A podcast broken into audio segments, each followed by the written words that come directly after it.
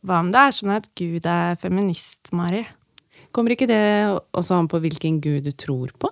Jo, det kan jo hende, men også kanskje hvem som har lært deg om Gud. Dette tror jeg vi må finne ut av.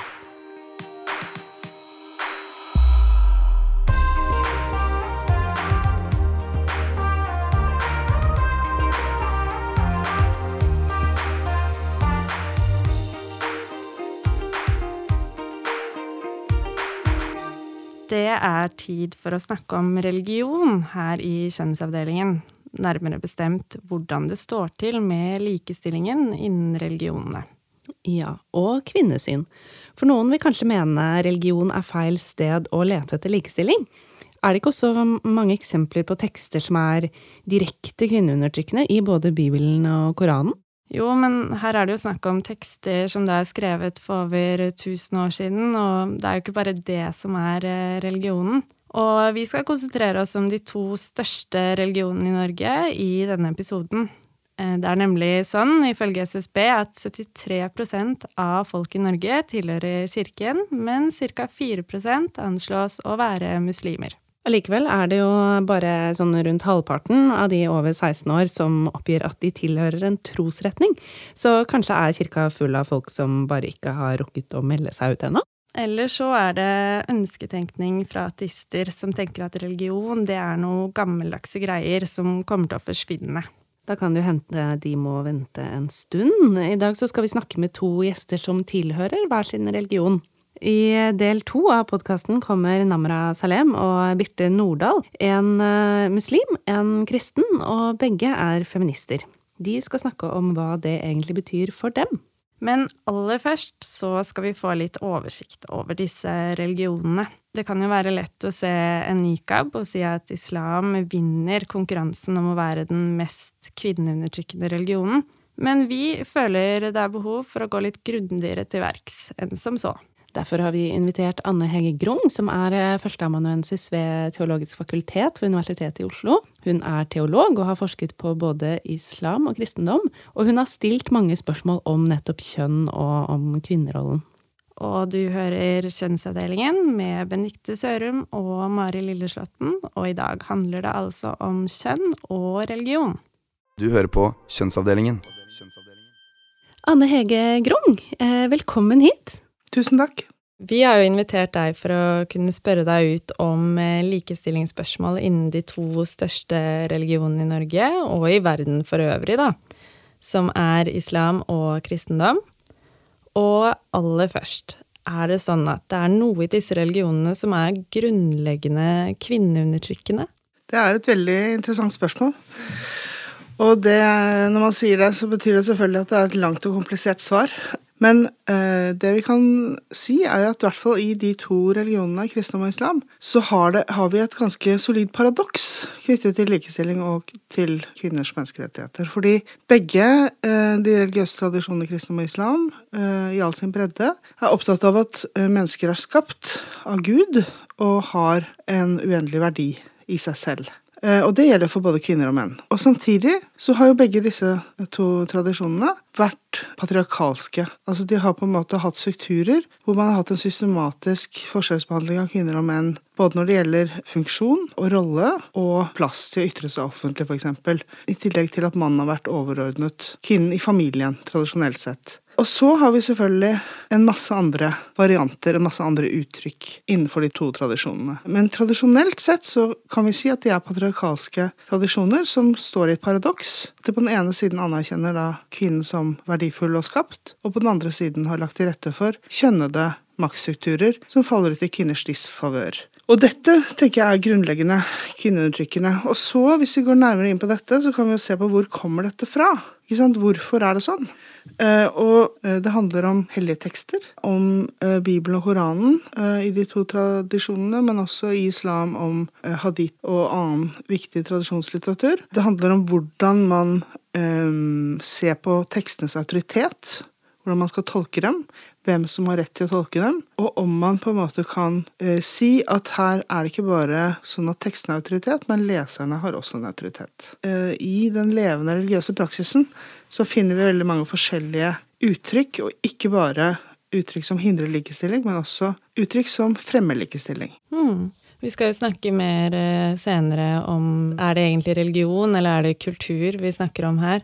Um, men det er jo altså sånn at uh, opp igjennom, og også i dag, uh, noen steder da, så blir kvinners frihet begrenset med begrunnelse i religionen. Og hvis vi ser litt mer sånn konkret på det, da, hva slags argumenter kan vi finne i religionene som er med på å hindre likestilling, da? Eh, hvis vi på en måte går til de tradisjonelle argumentene, som er eksplisitte i tradisjonene, og ikke implisitte, så er de litt forskjellige i den kristne og den eh, muslimske tradisjonen. Og det er interessant. I islam så legger man stor vekt på at mennesker er like. Eh, alle mennesker er like for Gud. Og man har argumentert for forskjellige roller og forskjellige funksjoner for kvinner og menn, noe som kan føre til manglende likestilling, og også hindring av kvinners bevegelsesfrihet innimellom. Man har argumentert fra noen tekster i Koranen og noen tradisjoner og tekster fra hadith og fikk-litteraturen, altså lovlitteraturen. Og da er det flere formål i det i islam. Det ene er å å beskytte eh, kvinner. Det andre er å skape orden i familien. Altså at mannen har hovedplikt til å forsørge familien. Nå snakker jeg hele tiden om tradisjonell islam.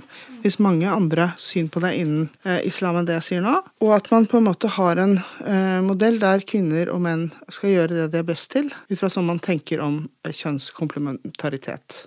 Men overfor Gud så er alle like. I kristendommen så har vi en litt annen struktur, fordi man har begrunnet forskjellen mellom menn og kvinner tradisjonelt også gjennom forskjeller i forhold til Gud. At kvinnen blir frelst gjennom mannen, f.eks., eh, eller kvinnen blir frelst gjennom barnefødsler, eh, at kvinnen hadde skylda for syndefallet, osv. Dette har man brukt for å begrense kvinners plass. Ja, At man har brukt eh, argumenter fra tekstene for å begrense ja. som ferd eh, For å begrense kvinners uh, ferd, men også for å si noe om hva som er den guddommelige orden. Det er på en måte at mannen er lederen i familien, og kvinnen er underordnet mannen. Og at lydighet overfor ektemannen er et veldig sentralt begrep i veldig mange kirker, faktisk uh, også i dag. Av kvinner så krever man en bestemt type lydighet. Det er annerledes enn for menn. Og dette er begrunnet i at mannen da har en annen rolle også i frelsesspørsmål. Og dette har man faktisk ikke i islam. Så man kan godt si at i sin altså, tradisjonelle struktur så er kristendommen mer tilrettelagt for en patriarkalsk struktur enn islam er, faktisk. Og så har du det i tillegg i kristendommen at Jesus, som, som kristne tror er Gud inkarnert, var mann. Og dette har jo en, også en påvirkning på forestillingen om Gud. ikke sant? I islam så har man ingen sånn antropomorf, altså man humaniserer ikke Gud. For Gud er noe som er høyt over uh, mennesker. Ja, Det er jo interessant at det er noen, uh, noen ganske vesentlige forskjeller mellom religionene der, og at det både er liksom tradisjoner og regler, men også i tekstene. I et av forskningsprosjektene som du har holdt på med, så har du jo satt muslimer og kristne kvinner sammen for å diskutere disse spørsmålene. Jeg ble jo litt nysgjerrig på om de da på måte, om det var en konkurranse om hvor det var lettest å finne kilden til likestilling, men det var jo en av konklusjonene dine at de nettopp gikk til tekstene og fant støtte for likestilling der. Men hvordan gjorde de det? Det de gjorde, var jo at de tok et ansvar for tekstene. De leste eh, bestemte tekster sammen og eh, snakket om dem etterpå. Og de tekstene de leste, var annet to av de tekstene som har vært veldig mye brukt til nettopp å bekrefte patriarkatet i de to tradisjonene.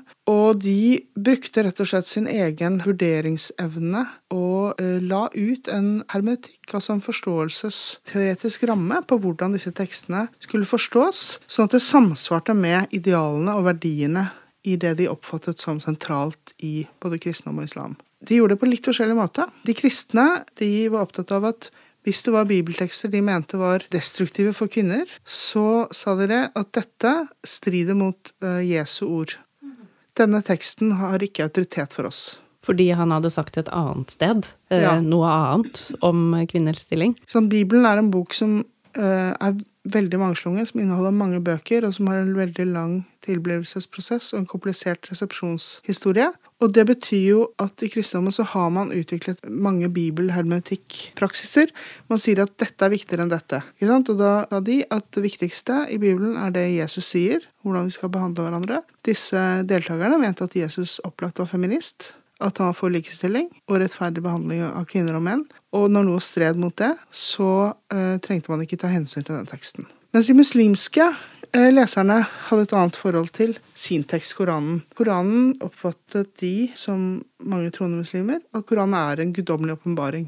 Det er Guds ord. I kristendommen så er jo Guds åpenbaringen Jesus, personen Jesus, og ikke Bibelen. Men i islam så er det Koranen som er Guds åpenbaringen, og da kan man ikke, slik de vurderte det, bare gå inn og ta bort tekster. Kan si at denne teksten her strider mot det og det, så den kan ikke stå der. Fordi For dem så er hele Koranen en sammenheng som på en måte ikke kan brytes opp. Øh, men det de gjorde, var at de sa at Koranen vil øh, støtte rettferdig behandling av menn og kvinner. Og det er den egentlige meningen i Koranen. Det var det Mohammed kom for å etablere. Og de som tolker Koranen, kan ikke tolke noe annet enn det. Så de kritiserte da tolkerne av Koranen. Og så gikk de inn og arbeidet med tolkninger som var eh, mer i overensstemmelse med det de selv og som sentralt. Mm. Men når de da hadde gjort denne tolkningen, var det da sånn ja, men så fint, da er det likestilling da, hvis vi ser i Koranen og Bibelen? Eh, nei da, de var mer kamplystne enn som så. Mm. Fordi en stor del av det som ble snakket om i denne gruppa, var jo også om kontekst. Altså hva slags virkelighet lever vi i? Og de norske kristne deltakerne, ikke alle de kristne deltakerne var norske, men de som hadde en utelukkende norsk bakgrunn, de var egentlig ganske fornøyd med likestillingen både i Den norske kirke og i det norske samfunnet. Mens de muslimske deltakerne og de kristne deltakerne som hadde bakgrunn fra andre land enn Norge, bl.a. fra Afrika og Midtøsten, de sa at nei, men dette er ikke kristent, dette har med Norge å gjøre. I, I, min kirke, eh, der jeg vokste opp, så er dette fortsatt et veldig stort problem. Der er det ikke kjønnsrettferdighet. Det er en tradisjonell patriarkalsk syn på kvinners rolle som blir forkynt fra prekestolene. Så det fungerte som en kraftig oppfordring til de andre om å utvide perspektivet, rett og slett. Og det er et viktig element her. Men hvis vi ser litt mer på da, det norske samfunnet, da, så svirrer det jo en del forestillinger rundt omkring om hvem som er kristne og hvem som er eh, muslimer. Mange setter jo likhetstegn mellom innvandring og islam da, på den ene siden, og norskhet og kristendom på den andre. Og så er det jo sånn at islam vokser jo som religion i Norge, med mer innvandring fra land hvor, hvor det er en stor religion, og samtidig så melder flere seg ut av kirka. Så jeg lurer litt på hvor tett knytta er egentlig Kirken til eh, det norske samfunnets regler og verdier for øvrig, da, når det gjelder eh, likestilling? Det er et veldig spennende spørsmål. Men faktisk så er det sånn innvandring i Norge handler ikke bare om at eh, det innvandrer folk med muslimsk bakgrunn, men det innvandrer faktisk veldig mange med kristen bakgrunn som ikke går inn i Den norske kirke. Så det vi ser, er at det kommer veldig mange med romersk-katolsk bakgrunn, eh, med ortodoks bakgrunn av forskjellige slag, eh, med frikirkelig, eller det vi i Norge kaller frikirkelig bakgrunn fra Afrika, Latin-Amerika, som pluraliserer det kristne Norge. Dette har også betydning for hvordan kjønn og likestilling blir forstått blant kristne i Norge.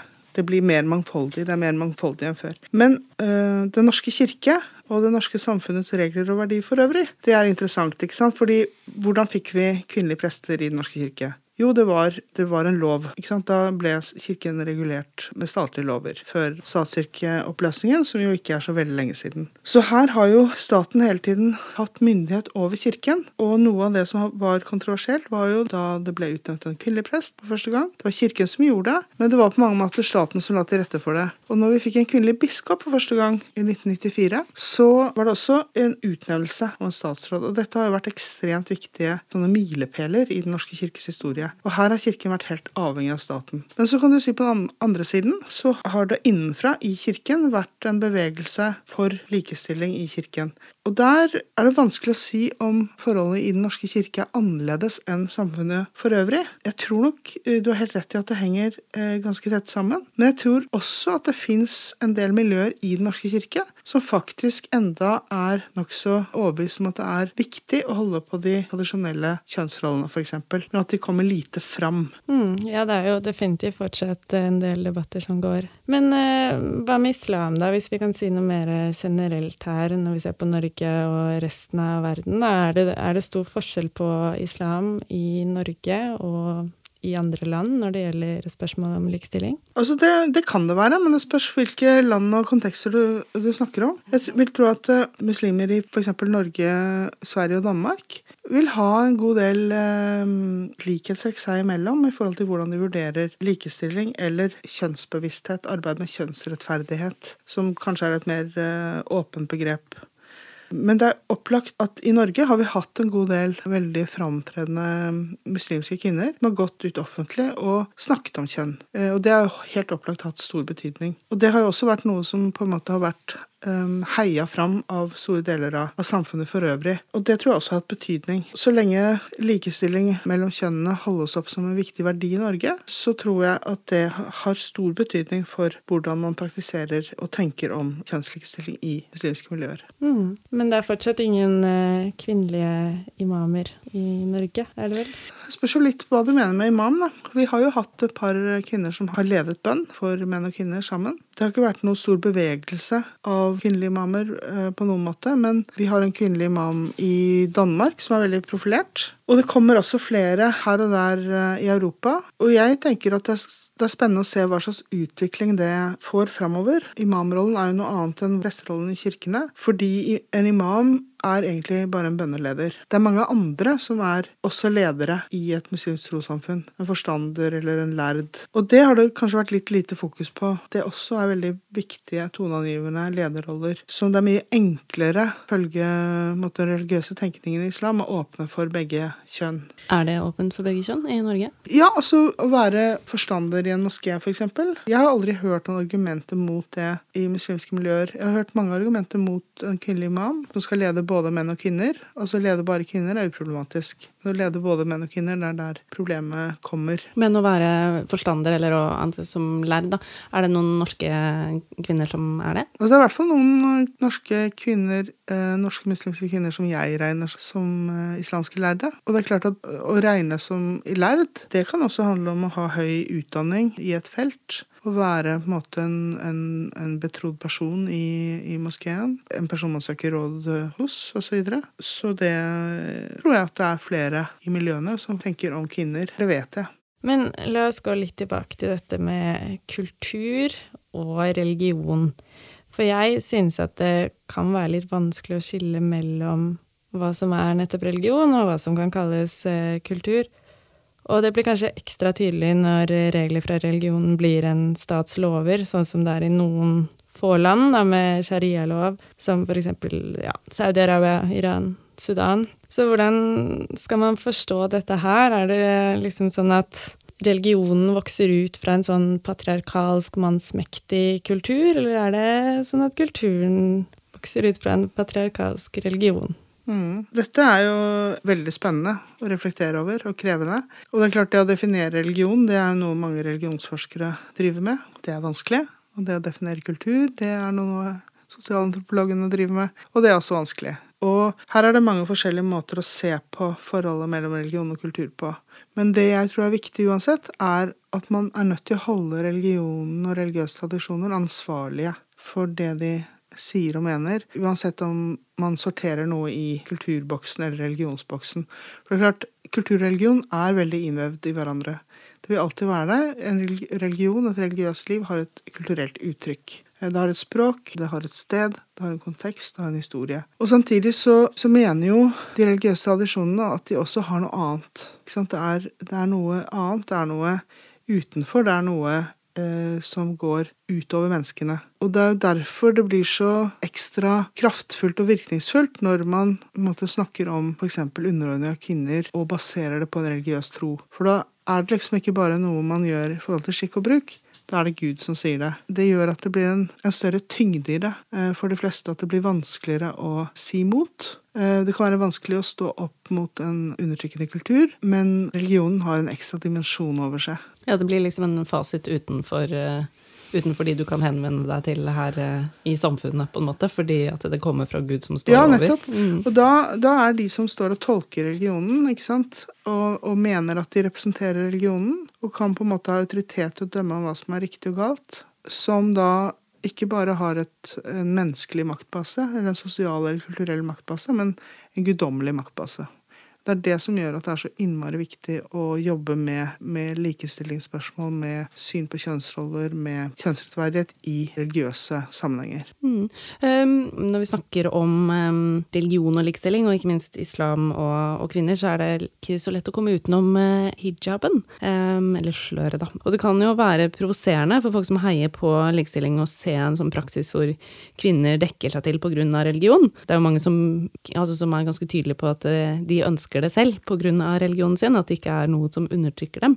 Men liksom, hva sier de som du har snakket om, og som du kjenner til, om nettopp hijaben, eller nikaben, da, for den saks skyld?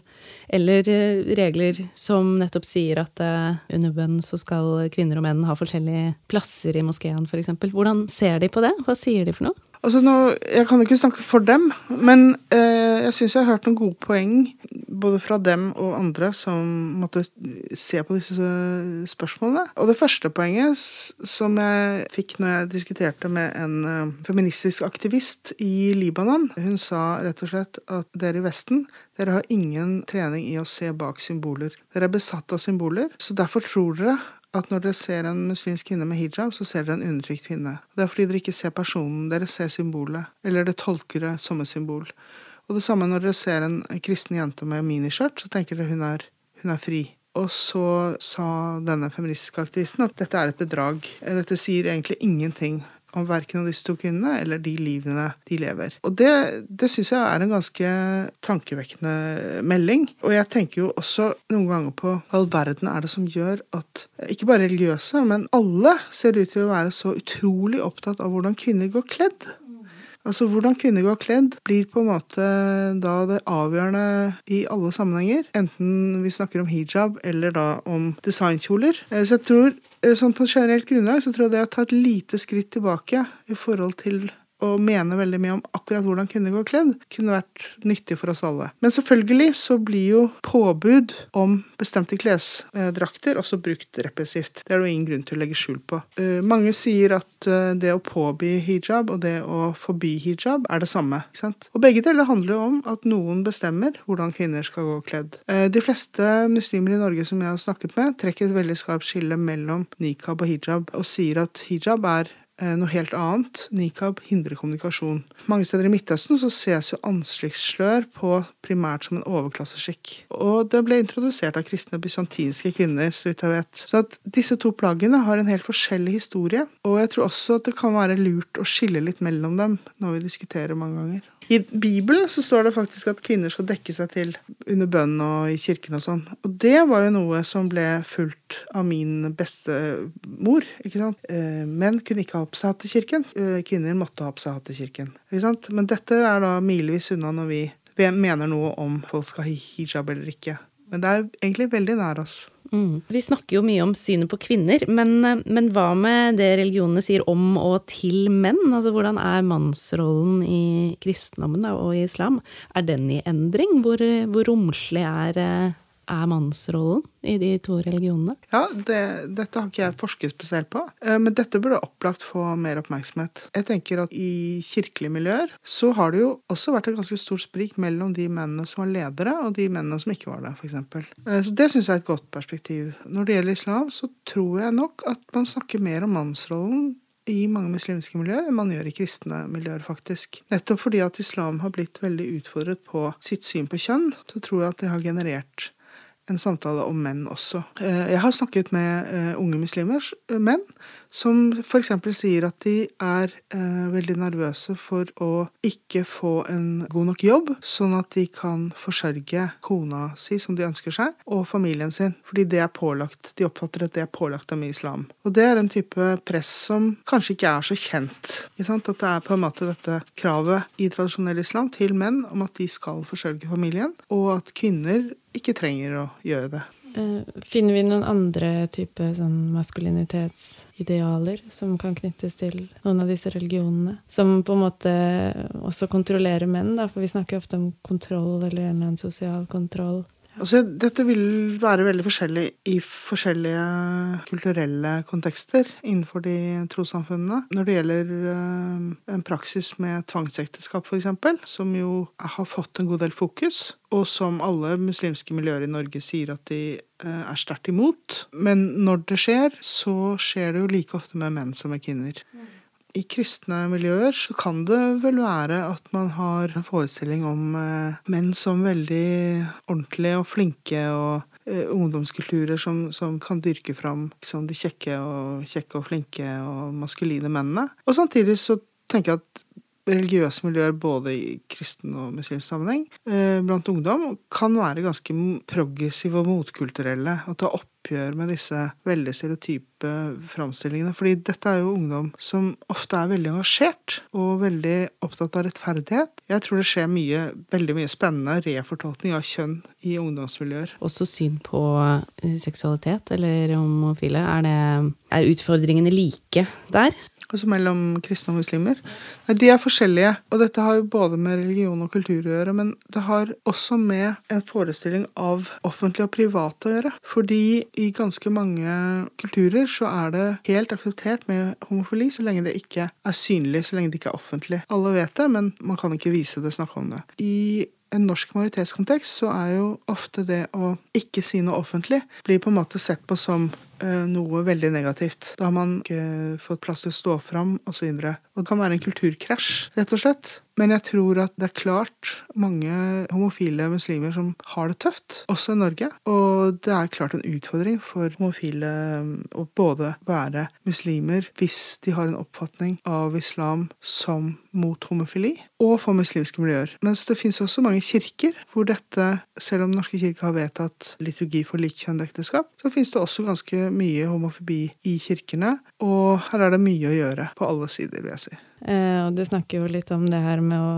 at vi er så opphengt i disse symbolene, men hva er det som egentlig er under, da? Hva er religionen i mennesket?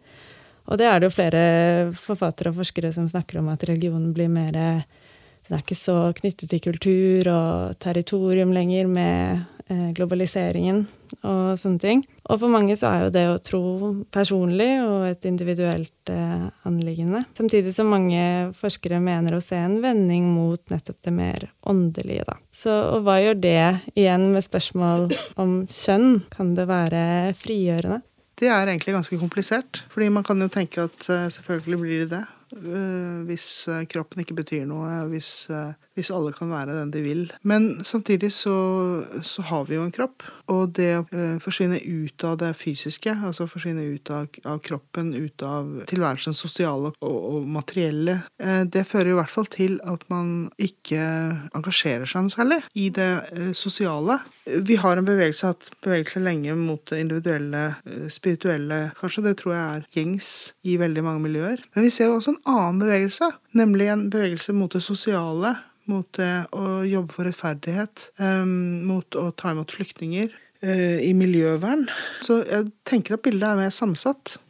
Uh, at det både blir kanskje både mer individualistisk, åndelig og mer sosialt uh, på en gang. Er det forskjellige folk? Eller? Ikke nødvendigvis. Nei? Fordi jeg tenker at det handler veldig mye om å få en sånn egen autoritet i forhold til å vurdere hva som er viktig, hva som er min tro, hva som er mitt fellesskap.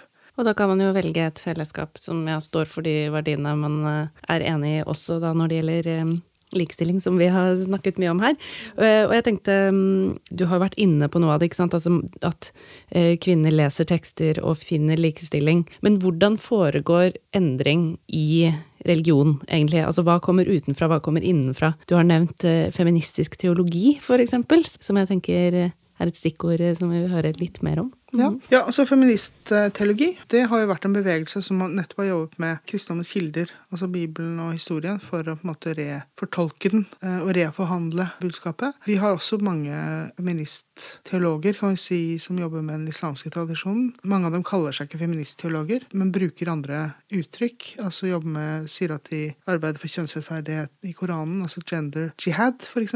Og koble sammen åndelig utvikling og kjønnsrettferdighet. Jihad betyr jo egentlig primært en åndelig eh, selvutvikling. Men endring, hvordan skjer endring? Ann-Sofie Roald, som jo er professor i islam i Sverige, har uh, vært opptatt av det. Og hun uh, har sagt at endringen må komme både innenfra og utenfra. Altså Hvis man ikke har en endring innenfra, så blir den ikke legitimert. Men hvis ikke det kommer press utenfra, så skjer det mindre. Og jeg tror at de ytre strukturene, lovgivningen og rammeverket er ekstremt viktig, i tillegg til selvfølgelig eh, den generelle kulturen. Så for eksempel dette forslaget som Arbeiderpartiet kom med for et par uker siden om at staten skulle kreve 40% representasjon av kvinner i trossamfunnene styrer for å få statsstøtte, som blir avvist av flertallet fordi de ser på det som et inngrip i religionsfriheten. Det syns jeg er interessant, det forslaget. At er det et inngrep i religionsfriheten? Ja, noen vil si det. Samtidig så blir jo spørsmålet også hvem sin religionsfrihet er det vi snakker om? Snakker vi da også om kvinners religionsfrihet til å engasjere seg? Så uh, her er det litt sånn spennende ting framover, egentlig. Helt til slutt, veldig kort, hvor står de største likestillingsutfordringene nå, hvis vi ser på islam og kristendom, da? Altså Hvis vi snakker om Norge, så tror jeg at i islam så står utfordringene tydeligere fram i mange muslimske miljøer. Hvor det handler om å ta et oppgjør med en god del kulturell bagasje som veldig mange har med seg, og gå inn i sin egen tradisjon enda mer for å på en måte finne religiøs legitimering av rettferdig behandling av kvinner og menn. Eh, men i kristne miljøer så tror jeg en viktig del av kampen faktisk står om å anerkjenne at det er mennesker bak symbolene hijab. At det er ikke sånn at vi kan kalle alle andre religioner og eh, kulturer for undertrykkende uten videre. At vi ikke kan på en måte lene oss selvgodt tilbake. Ikke sant. Tusen takk for at du kom, eh, Anne Hege. Nå har vi lært veldig mye. Tusen takk for meg.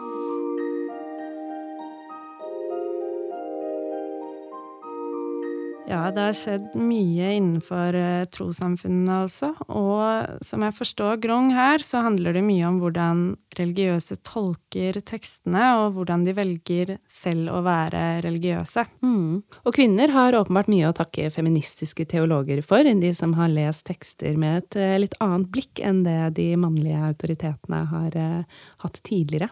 Men én ting er å snakke om religion og feminisme.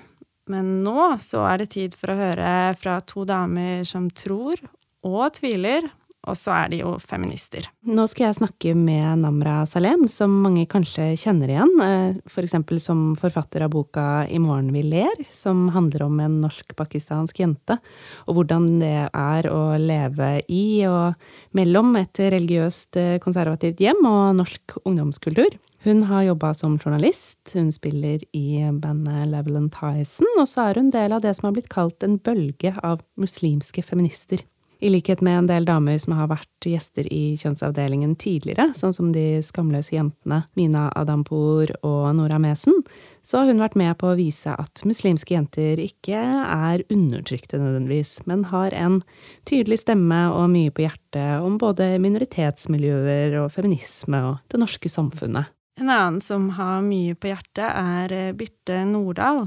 Hun har akkurat begynt i ny jobb som prest i Kirkens Bymisjon, og har tidligere hatt samme jobb i Oslo domkirke. Hun skriver og prater også mye om sin tro, og er teolog. Og ikke minst feminist. Eh, ja, da sitter jeg her med to veldig spennende gjester. Namra og Birte, velkommen til Kjønnsavdelingen. Tusen takk.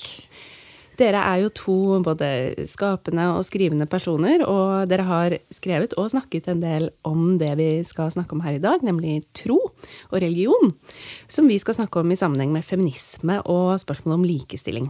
Um, og aller først så vil jeg spørre dere om, om tro ofte når det er snakk om religion, og for så vidt også om feminisme, så er det snakk om en, sånn slags oppvåkning.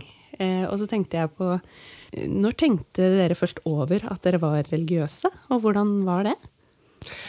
Eh, jeg vet ikke egentlig helt hva det vil si å være eh, religiøs, eh, egentlig. Fordi at Jeg har liksom aldri tenkt over at jeg er det, egentlig bare annet enn at jeg har hatt en muslimsk oppvekst, og så har jeg alltid vært veldig nysgjerrig på alt det spirituelle.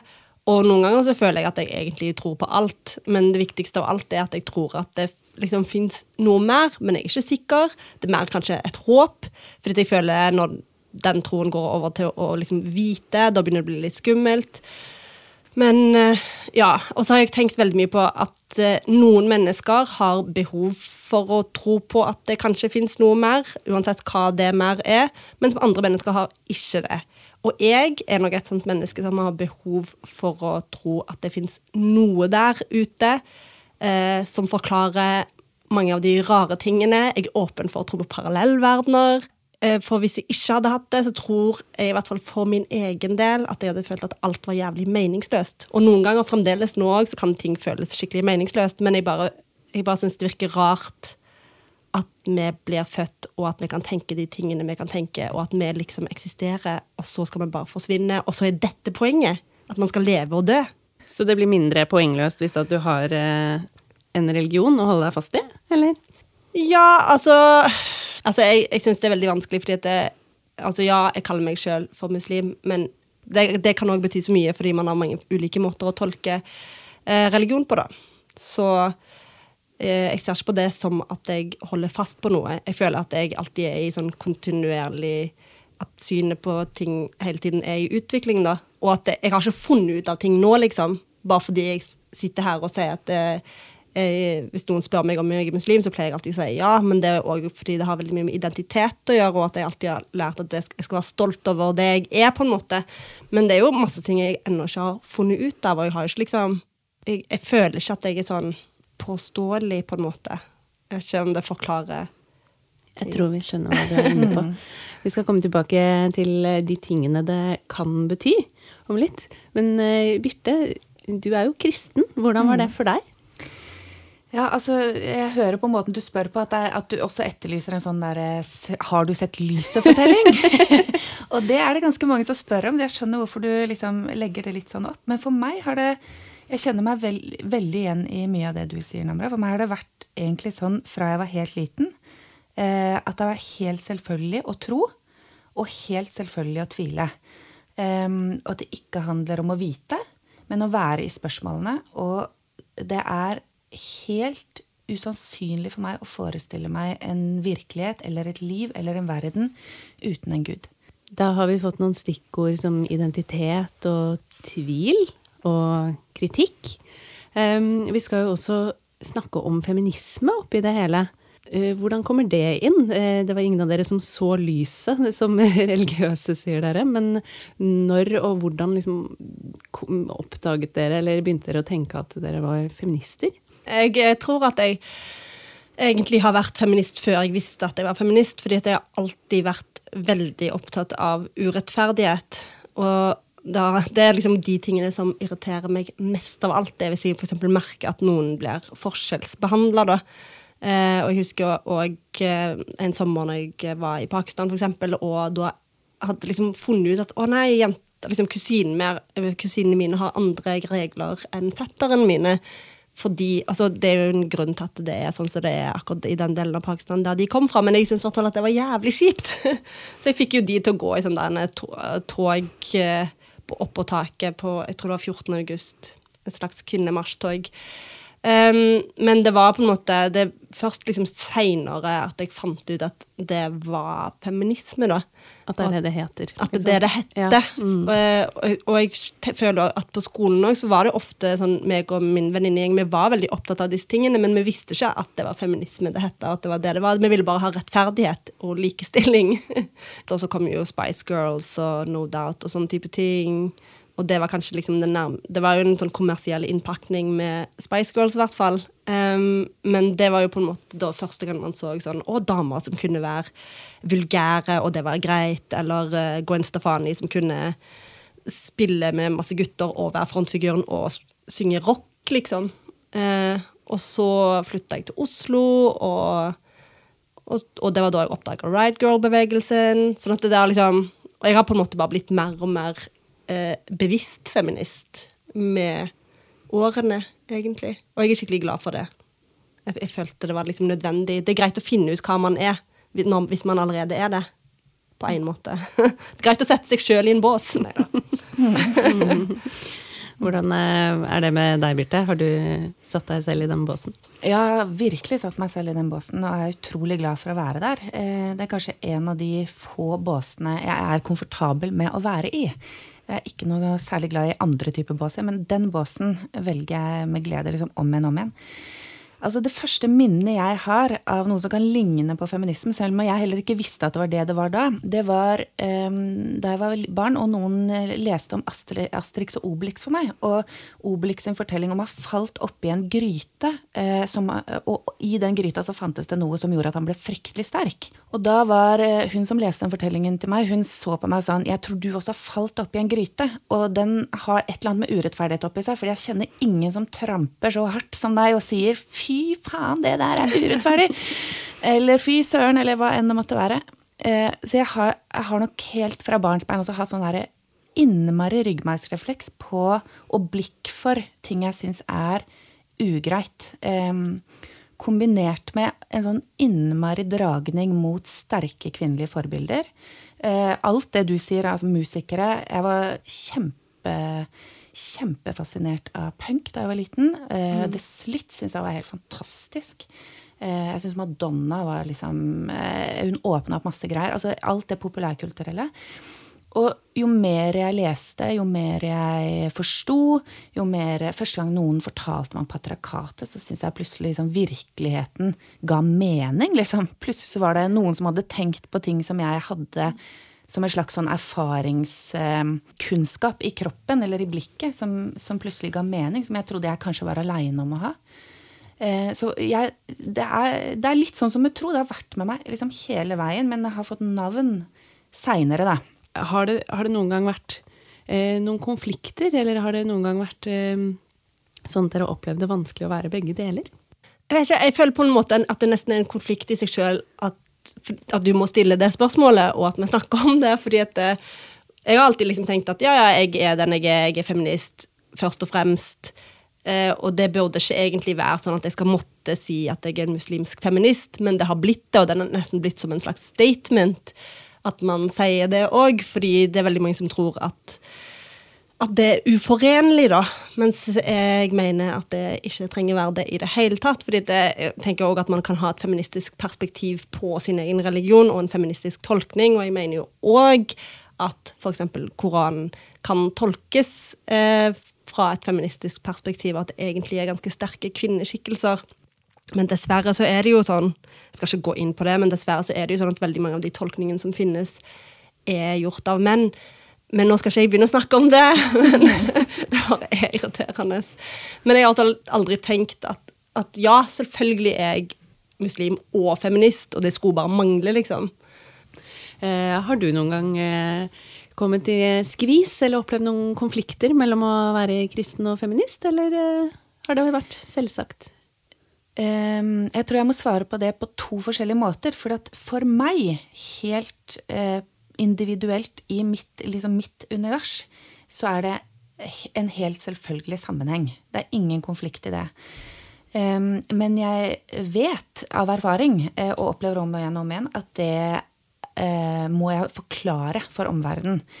Og, jeg, og, på mange måter så forstår jeg hvorfor. Og så er jeg litt så opptatt av å insistere på at det ikke er en konflikt, også fordi det er med på å flytte normen. Altså hvis det erkekonservative eller patriarkalske forvaltningen av religion får lov til å forbli normen, så er det et sted hvor det er veldig vanskelig å puste for mange.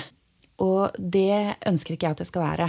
Ehm, så for meg er det ikke det. Men omverdenen opplever det. Altså det er helt vanlig å si at feminisme og religion er oxymoron. Det er selvmotsigende, det er paradoksalt osv. Men jeg opplever at det er, er det på ingen måte nødvendig at det skal være.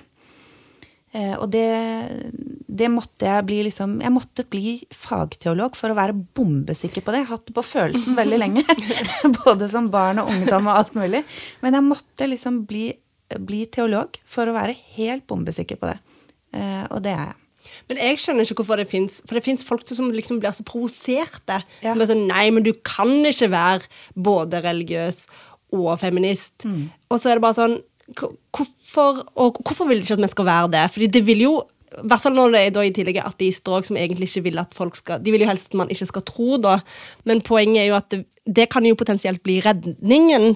De hadde òg tjent på det hvis de hadde bare latt feminister eh, få lov til å Eller religiøse få lov til å være feminister. fordi hva er alternativet da ellers? At ingen religiøse skal være feminister, da? Eventuelt.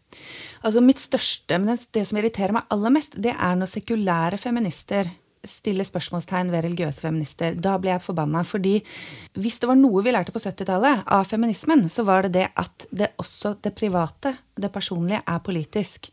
Og i den, den grad man avskriver religion, eller avviser den på vegne av alle, ikke bare på vegne av seg selv, men på vegne av alle, så avviser man også kvinnekampens rom. Eller avgrenser kvinnekampens rom.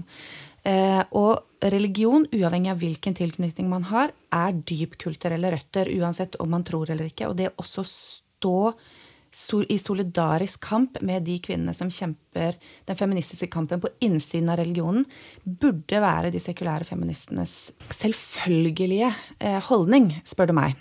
Ja, for det handler jo om at det, skal, at det skal være rom for alle, og det handler om interseksjonell feminisme, og at det, det, det, handler om å liksom tenke litt utenfor seg sjøl òg, da.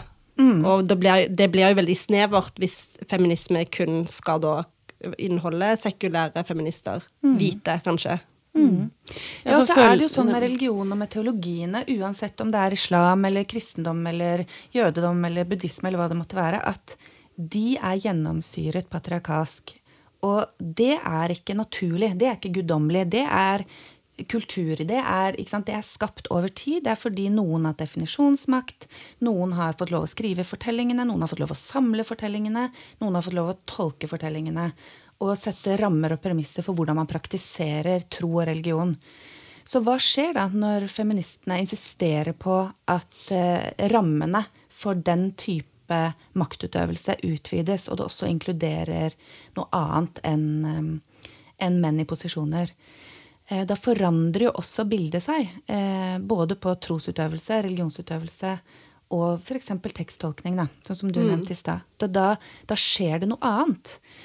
Um, og det er en fordel for alle, på en måte. Når det kommer feministisk kritikk inn i religionene, når eh, sånne som dere sitter og sier ja, men det er Vi vil egentlig ikke tenke så mye på hvordan den patriarkalske tolkningen eh, av religionen er.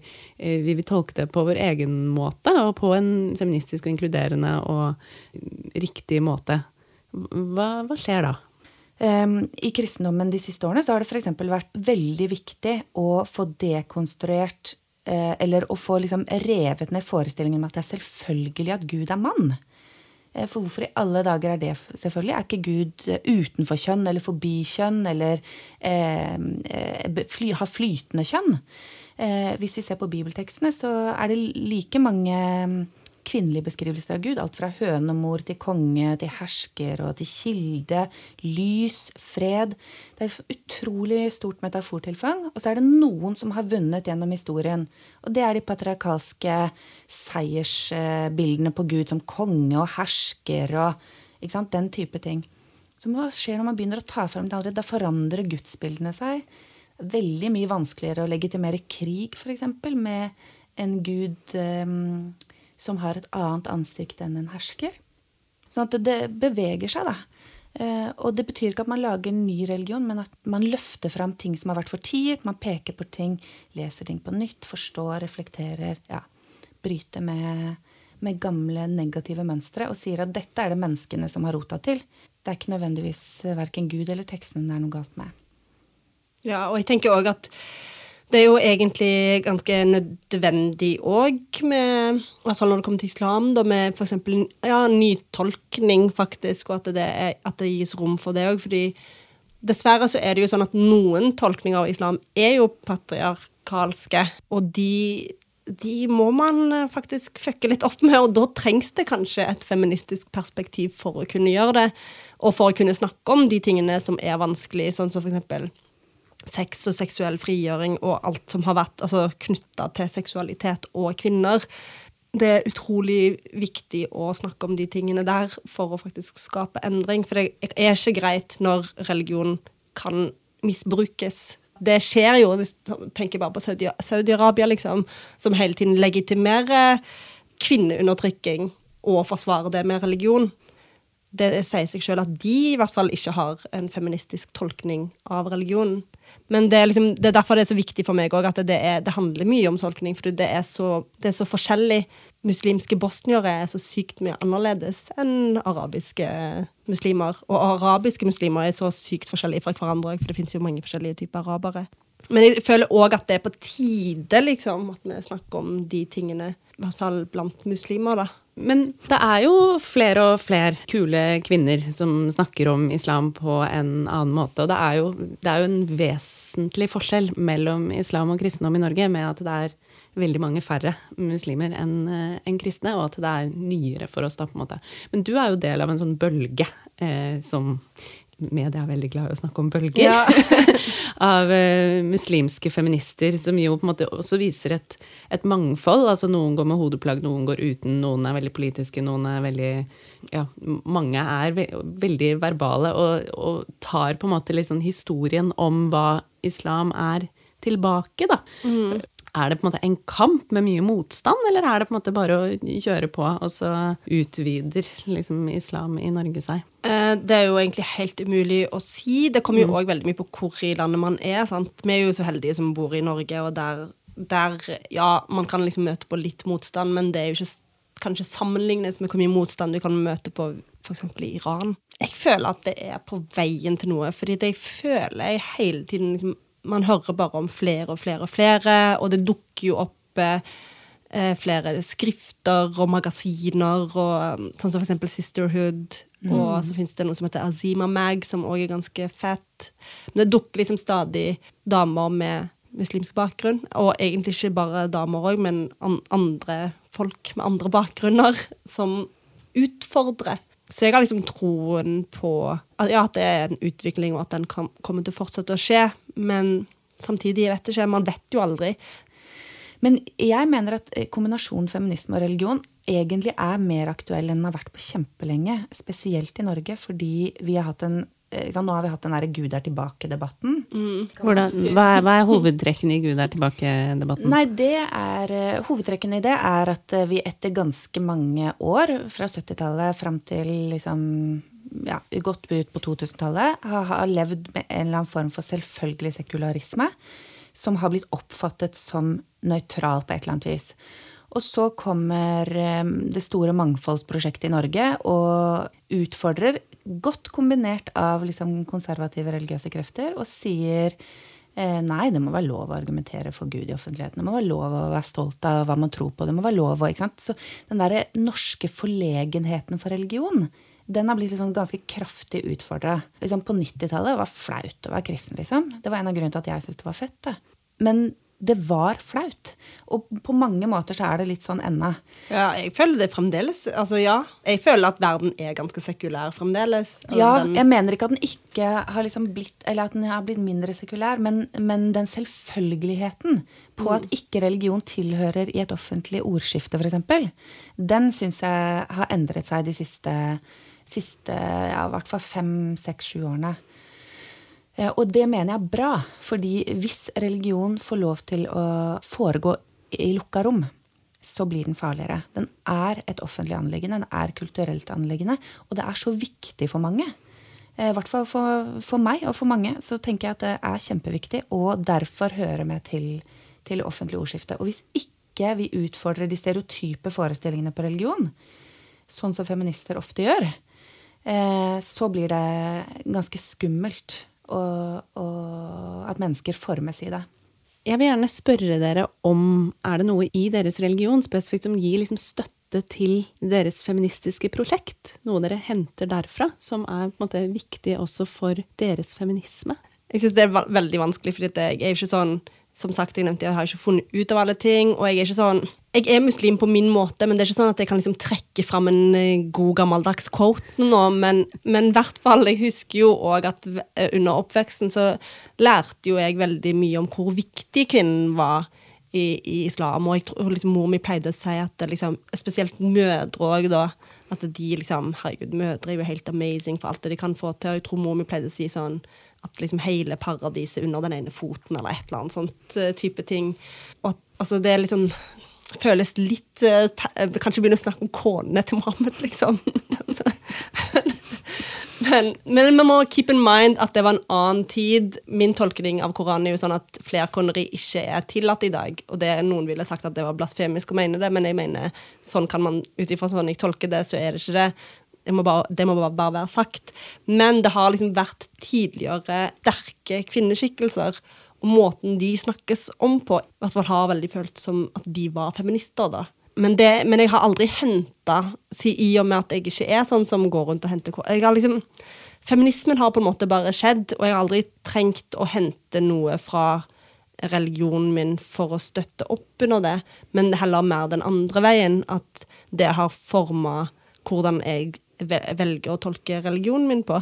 Men jeg har veldig sånn komplisert forhold til religion, sant? for jeg mener jo òg at Eh, jeg er jo òg skeptisk til alle haditene, f.eks. For eksempel. mm. Fordi man sier hele tiden at å, Koranen er det som er det rette, men så er det dritmange folk som tror på haditene. Og haditene kan ha masse fint, men de har òg en del grums som er litt sånn Og så er det litt sånn, ja, men hvis dere sier at Koranen er det man skal stå på og tro på, hvorfor blander dere inn disse andre tingene? Jeg er superskeptisk til sharia, lovskolen og alt det her. men og det er jo kanskje nettopp fordi jeg er feminist at det har blitt sånn, og at jeg ser jeg føler at jeg liksom leser ting på en annen måte enn det jeg hadde gjort hvis jeg ikke hadde vært det.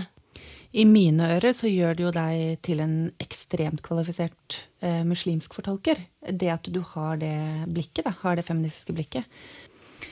På noen måter så opplever jeg at feminismen min må hjelpe religiøsiteten min skikkelig for å bare holde ut. Mens andre ganger eh, så syns jeg at det er ting i det, det, den kristne ressursbanken, eller skattkista, som bare er sånn uendelig fantastisk og vakkert. Kjærlighetsbudet synes jeg er Det at det tilhører en religion som har kjærlighetsbudet som det absolutt høyeste budet, det syns jeg er liksom blendende vakkert. Og så har vi også en hellig tekst med alt fra voldtektshistorier til flerkoneri til slaveri til Det er grusom krig. Grusomme ting som gjenfortelles. Og så innimellom så er det også noe helt sånn blendende vakkert. Så er det, det, er så komplisert, da. Men eh, det, for meg er det vekselvirkende hva som styrker hva. Men begge deler er helt uh, avgjørende for meg personlig. Nå kommer jeg faktisk på en ting, og det, jeg tror kanskje at jeg liksom ikke har sett på det som direkte knytta til feminisme, som jo var det du spurte, men som jeg har faktisk brukt i, i debatt, holdt jeg på å si, som, altså sånn Facebook-debatter som man egentlig aldri burde delta i. men... Um, fordi man møter jo av og til sånn, Du møter folk som er på den ekstreme høyresiden, som tenker at å, men hvorfor kan du ikke bare slutte å tro, og som kan være ganske drøye på den ene siden. Og så kan du av og til møte på eh, folk som kanskje har samme kulturelle bakgrunn som deg, som er liksom sånn ekstreme på den siden, som som mener at her, hvordan kan du si at en muslim skal ha lov til å være homofil, eller skal ha lov til å liksom, Det var en eller annen gang jeg hadde sagt at jeg mener at hvis, det, hvis du har lyst til å liksom, drikke vin til halalkjøttet ditt, så burde det være lov, liksom. Og da snakket jo jeg bare om at en muslim må kunne være muslim på sin måte, og at ingen skal dømme den personen.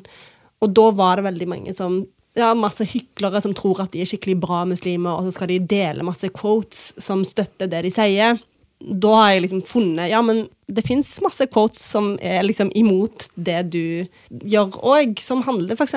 om at man ikke skal dømme andre, man skal ikke tenke stygt om andre, man skal ikke spre rykter, sånne type ting som ikke kanskje er direkte feministiske, men som jeg har liksom brukt i min kamp da, mot sånne type folk, som, er, som kaller seg sjøl for muslimer, og som har et sånn snevert syn på hvordan en muslimsk kvinne skal kunne være. da.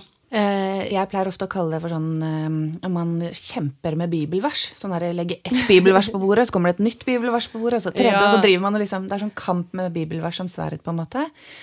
Og eh, jeg opplever at det veldig sjelden eh, fører til noe godt for menneskeheten. Bortsett fra en underholdende kamp for noen, kanskje.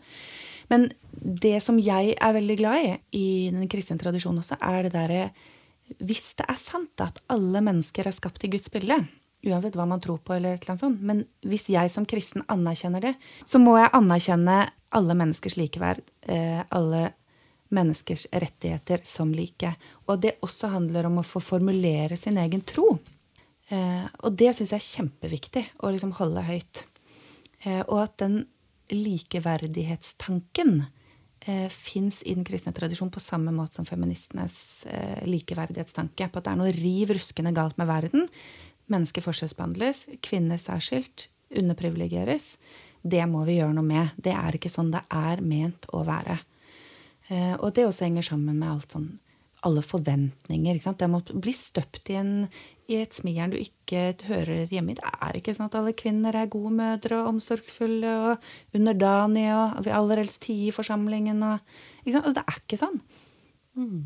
Det, dere snakket eh, litt i stad om at det er mange sekulære feminister som mener mye om, om det å være religiøs. Men eh, hva mener dere om å være sekulær feminist? Går de glipp av noe?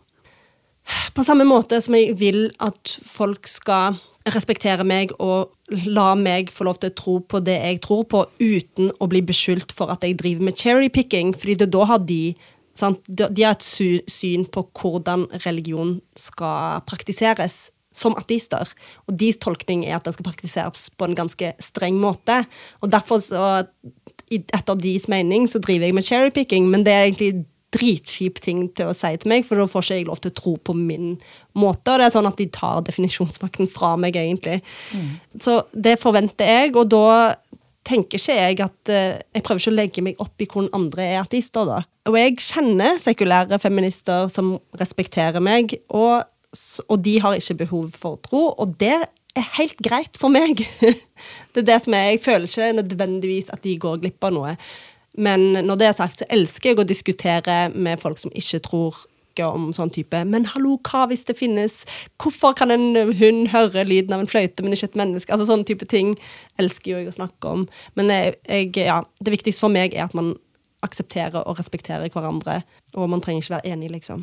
Jeg er helt enig. Mitt problem med, med sekulære feministers skepsis eller fordommer mot troende, er at de antar hva det er og at det er en fordom som jeg opplever ikke ofte stemmer overens med virkeligheten. Så i den grad jeg blir irritert, så er det ofte det det går på. Jeg tenker at eh, de som velger å ikke tro, har valgt det. Og da, da går de ikke glipp av noe. Det er mye mer irriterende med transfobe feminister. Jeg vil bare si det. Ja, men Det er jeg faktisk enig med deg i. Det er verre. Helt enig. Hvis vi først skal arrangere, så kan vi komme på mange ting som er mye verre enn sekulære feminister. Men ja. siden vi snakker om feminisme og religion, så tenkte jeg det var rimelig høyt på lista. Ja, nei, liksom. men jeg bare satt og tenkte på det. liksom, Tenkte på hvilke feminister er jeg men, faktisk syns er irriterende. Ja. Men det verste er transfobe fe religiøse feminister. Fordi, for, fordi, i hvert fall vi i kristendommen, har eh, en kjønnsflytende gud. Mm. Eh, så blir, altså, alt blir bare ironisk på den rareste måten for meg i det. Ja. Jeg er helt enig med deg. Eh, sekulære feminister ikke på toppen av den totale lista over irriterende ting. Tusen takk for at dere kom, Namra og Birte. Takk for at vi fikk komme.